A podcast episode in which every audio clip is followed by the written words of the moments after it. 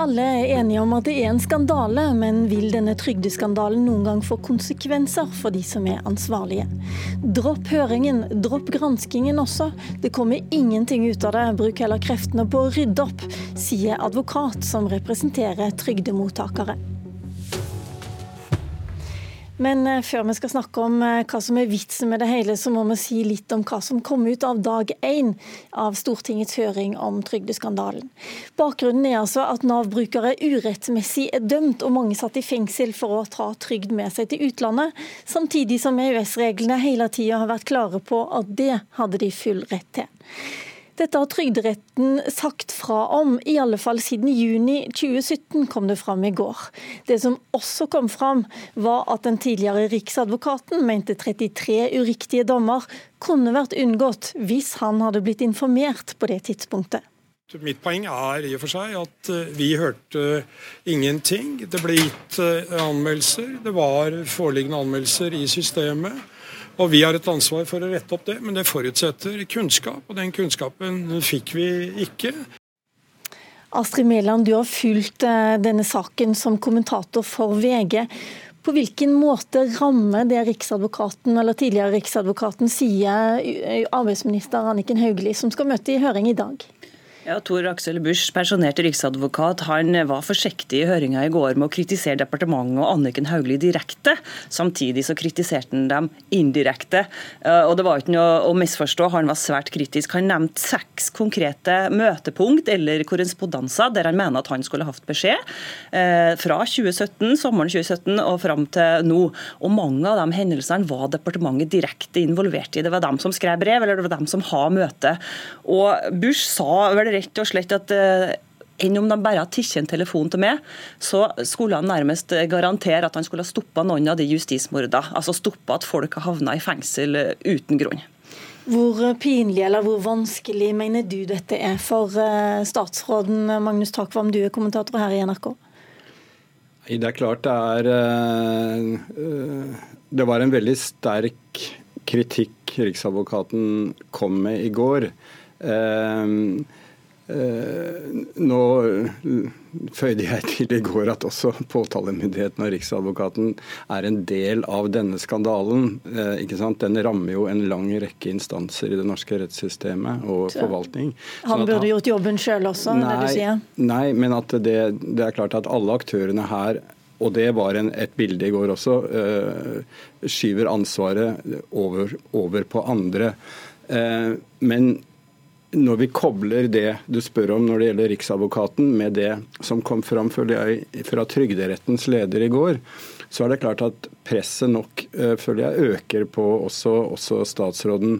Fordi jeg oppfattet at det var langt mer entydig beskjed fra Trygderetten allerede fra 2017 om den feil, eh, lov, feilaktige lovanvendelsen enn det som, har, det som departementet og Hauglie har skapt inntrykk av. De har kommunisert at de eh, registrerte en tolkningsulikhet i Trygderettens avgjørelser mens det som da ble sagt i går, var at fra juni 2017, sa lederen, så var det internt i Trygderetten enighet om hvordan denne EØS-forordningen skulle forstås.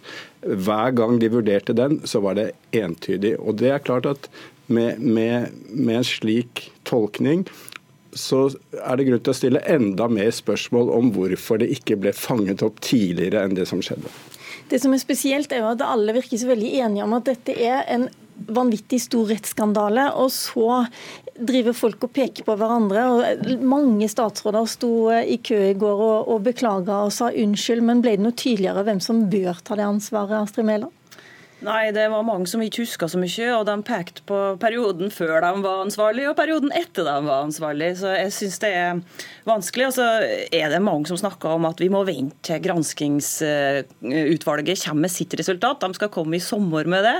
Så jeg syns den høringa er litt vanskelig totalt sett, fordi at det bare skyver det framover. Og fortsatt i dag så vet vi ikke hva som er rettstilstanden i Norge. Nav har satt masse saker i bero på når det gjelder dagpenger til EØS, så det er jo egentlig ingen som vet helt hva som er fasiten ennå. Så sitter vi og skal finne ut av det før vi vet eh, hva som var rett og galt.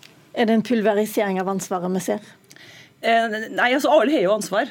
Derfor er det jo litt vanskelig å bare peke på statsråd Anniken Hauglie. Hun kan jo vise til ting som har skjedd mye før hennes tid, og hun prøver å rydde opp i ting som ble gjort feil, helt klart gjort feil, før hun ble statsråd. Så du noen tydelige tegn på hva som man kan bli enige om å ta med seg videre, Magnus Takvam?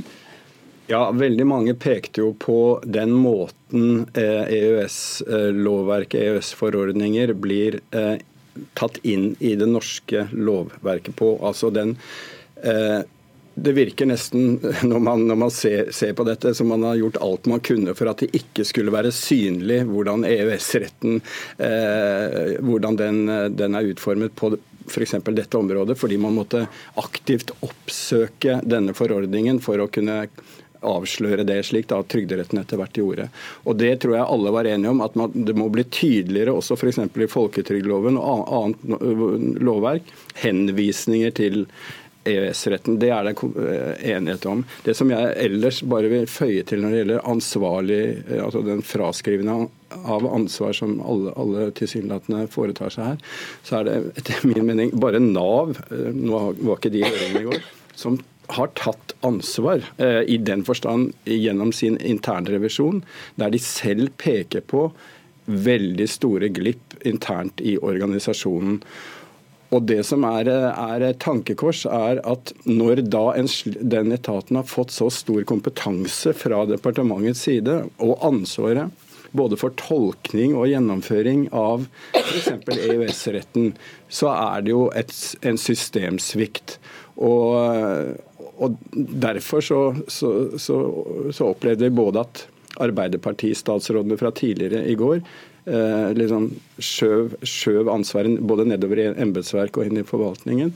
Og så får vi høre hvordan Anniken Hauglie håndterer det i dag. Men eh, Nav har i hvert fall lagt seg ganske flat, føler jeg, i motsetning til veldig mange andre.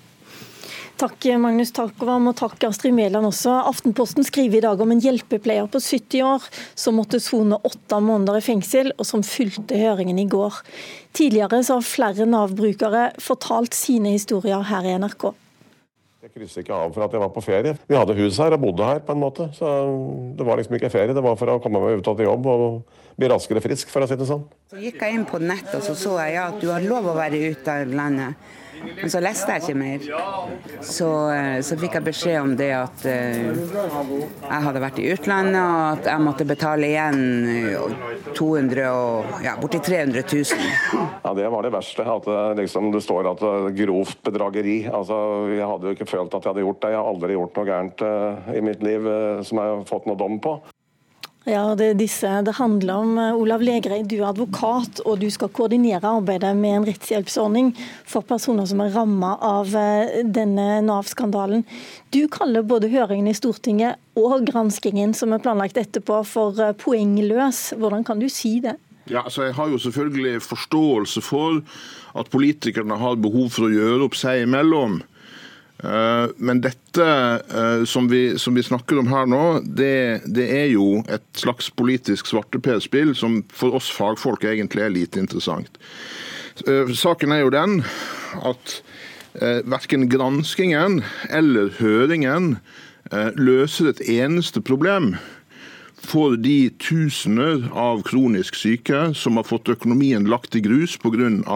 at sikkerhetsnettet har sviktet. Det må være utgangspunktet. Skal man løse problemet med Nav-skandalen, så må man løse alle enkeltsakene. Og den jobben er det Nav i samspill med oss advokater som må gjøre det. Men altså, Det jeg hørte i går, det var eh, f.eks. Nav-tillitsvalgte som fortalte de hadde prøvd å si ifra, men eh, uten å bli hørt. De hadde fått mye mindre ressurser enn før. De sitter på eh, å konkurrere om å få, få levert flest mulig saker fra hverandre, heller enn å se på om de har gjort riktige vedtak. Advokatforeningen snakka mer enn antyda at ja, det finnes klassejus her i, her i landet. Er ikke dette viktige opplysninger som stortingsrepresentanter våre lovgivere har godt av å høre? Jo da, og de, de viktigste opplysningene er jo nettopp dette med ressursspørsmål. Uh, ja, klassehus gjerne, og det henger jo sammen. Uh, og Det som må gjøres nå, nå må vi jo fokusere på løsningen. Hvordan skal vi løse det som kalles for Nav-skandalen? Jo, da må vi dra på med ressurser for å få løst enkeltsakene. Det vil si at det første politikerne bør gjøre nå, det er å sette seg ned og finne ut hvordan kan vi finne penger.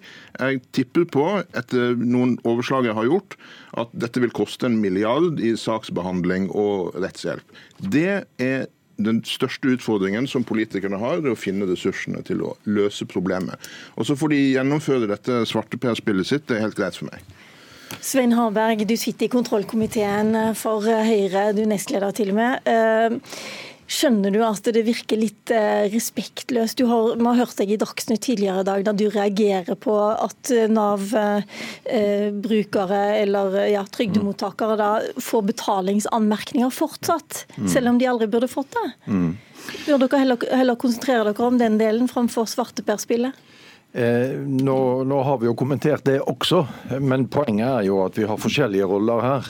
Eh, og jeg må si det at Hvis Legreid tror at vi driver det politiske arbeid for å gjøre opp oss imellom, at vi har høring for å gjøre opp oss imellom, så er jeg jo helt enig i at det er helt tullete. Men det med høringer i Stortinget er jo en helt sentral del av et åpent demokrati rundt de folkevalgte, som gjør at vi som folkevalgte skal få gode opplysninger om sakene vi behandler. Og også publikum kan følge med, og andre som er involvert. Så, så høring i Stortinget er særdeles viktig. Eh, og vi har fått altså eh, gode opplysninger gjennom dagen i går, som vi delvis skal bruke når vi skal spørre andre parter i høringen i dag, men som også må danne grunnlag for hvordan vi håndterer sånne saker videre framover. Det er det som er høring i Stortinget, og som er særdeles viktig og sentralt i vårt arbeid. Ja da, Det er helt all right for meg at dere har eh, den eh, prosessen. Jeg forstår selvfølgelig eh, hvorfor dere skal ha den. Og, det er, det er helt greit. Men poenget er at dette løser ingen problemer. Men det, men det, er ikke det høringen skal gjøre. Høringen skal finne ut hvordan kunne det skje, sånn at vi sikrer at det ikke skjer igjen.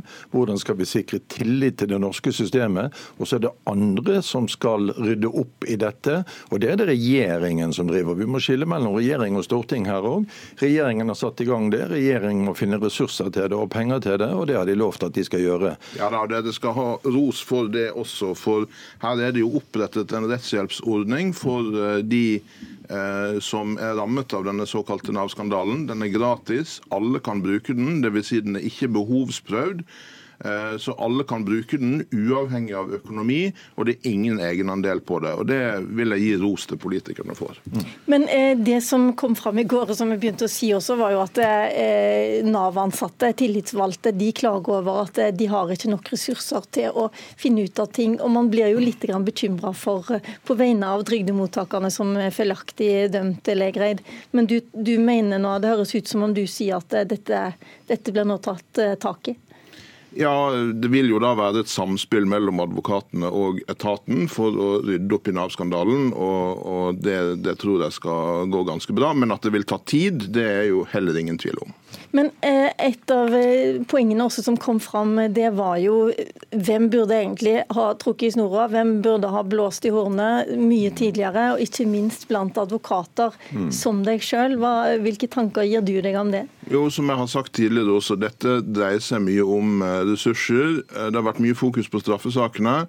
Eh, og Jeg kan godt gjenta det som jeg eh, har sagt tidligere. En forsvarer i en vanlig straffesak har overhodet ikke ressurser til å gå dypt inn i særlovgivning. Ja, men hva, ja, hva, skjer da? Så Det betyr at klassejusen kommer til å fortsette? Klassejusen kommer til å fortsette inntil denne regjeringen forstår at de må slutte å redusere og stramme inn på rettshjelp og være restriktive med fri rettshjelp. For det er det motsatte av å fremme rettssikkerhet til det norske samfunnet. Men dette er jo noe av det vi må finne ut av. Her, her mangler ikke på klare juridiske råd om hvordan det skulle ha vært. Hvorfor har ikke de nådd fram tidligere? Eh, hvorfor har vi ikke greid å fange opp det, og vi politisk også kunne bruke det? Det er noe av det vi finner ut gjennom høring og gransking, og som vi skal bruke videre. Ja, Du spør hvorfor, og den enkle forklaringen på det er jo at denne regjeringen kanskje kunne begynne å lytte til Advokatforeningen. Ok, Den som følger med i dag på dag to i høringen, får i hvert fall høre både arbeidsministeren, statsministeren og Nav-sjefen forklare seg for Stortinget. Hjertelig takk Olav Legreid, advokat, og Svein Harberg, som skal være med i høringen. Mitt navn er Lilla Sølhusvik, og Nyhetsmorgen fortsetter en time til.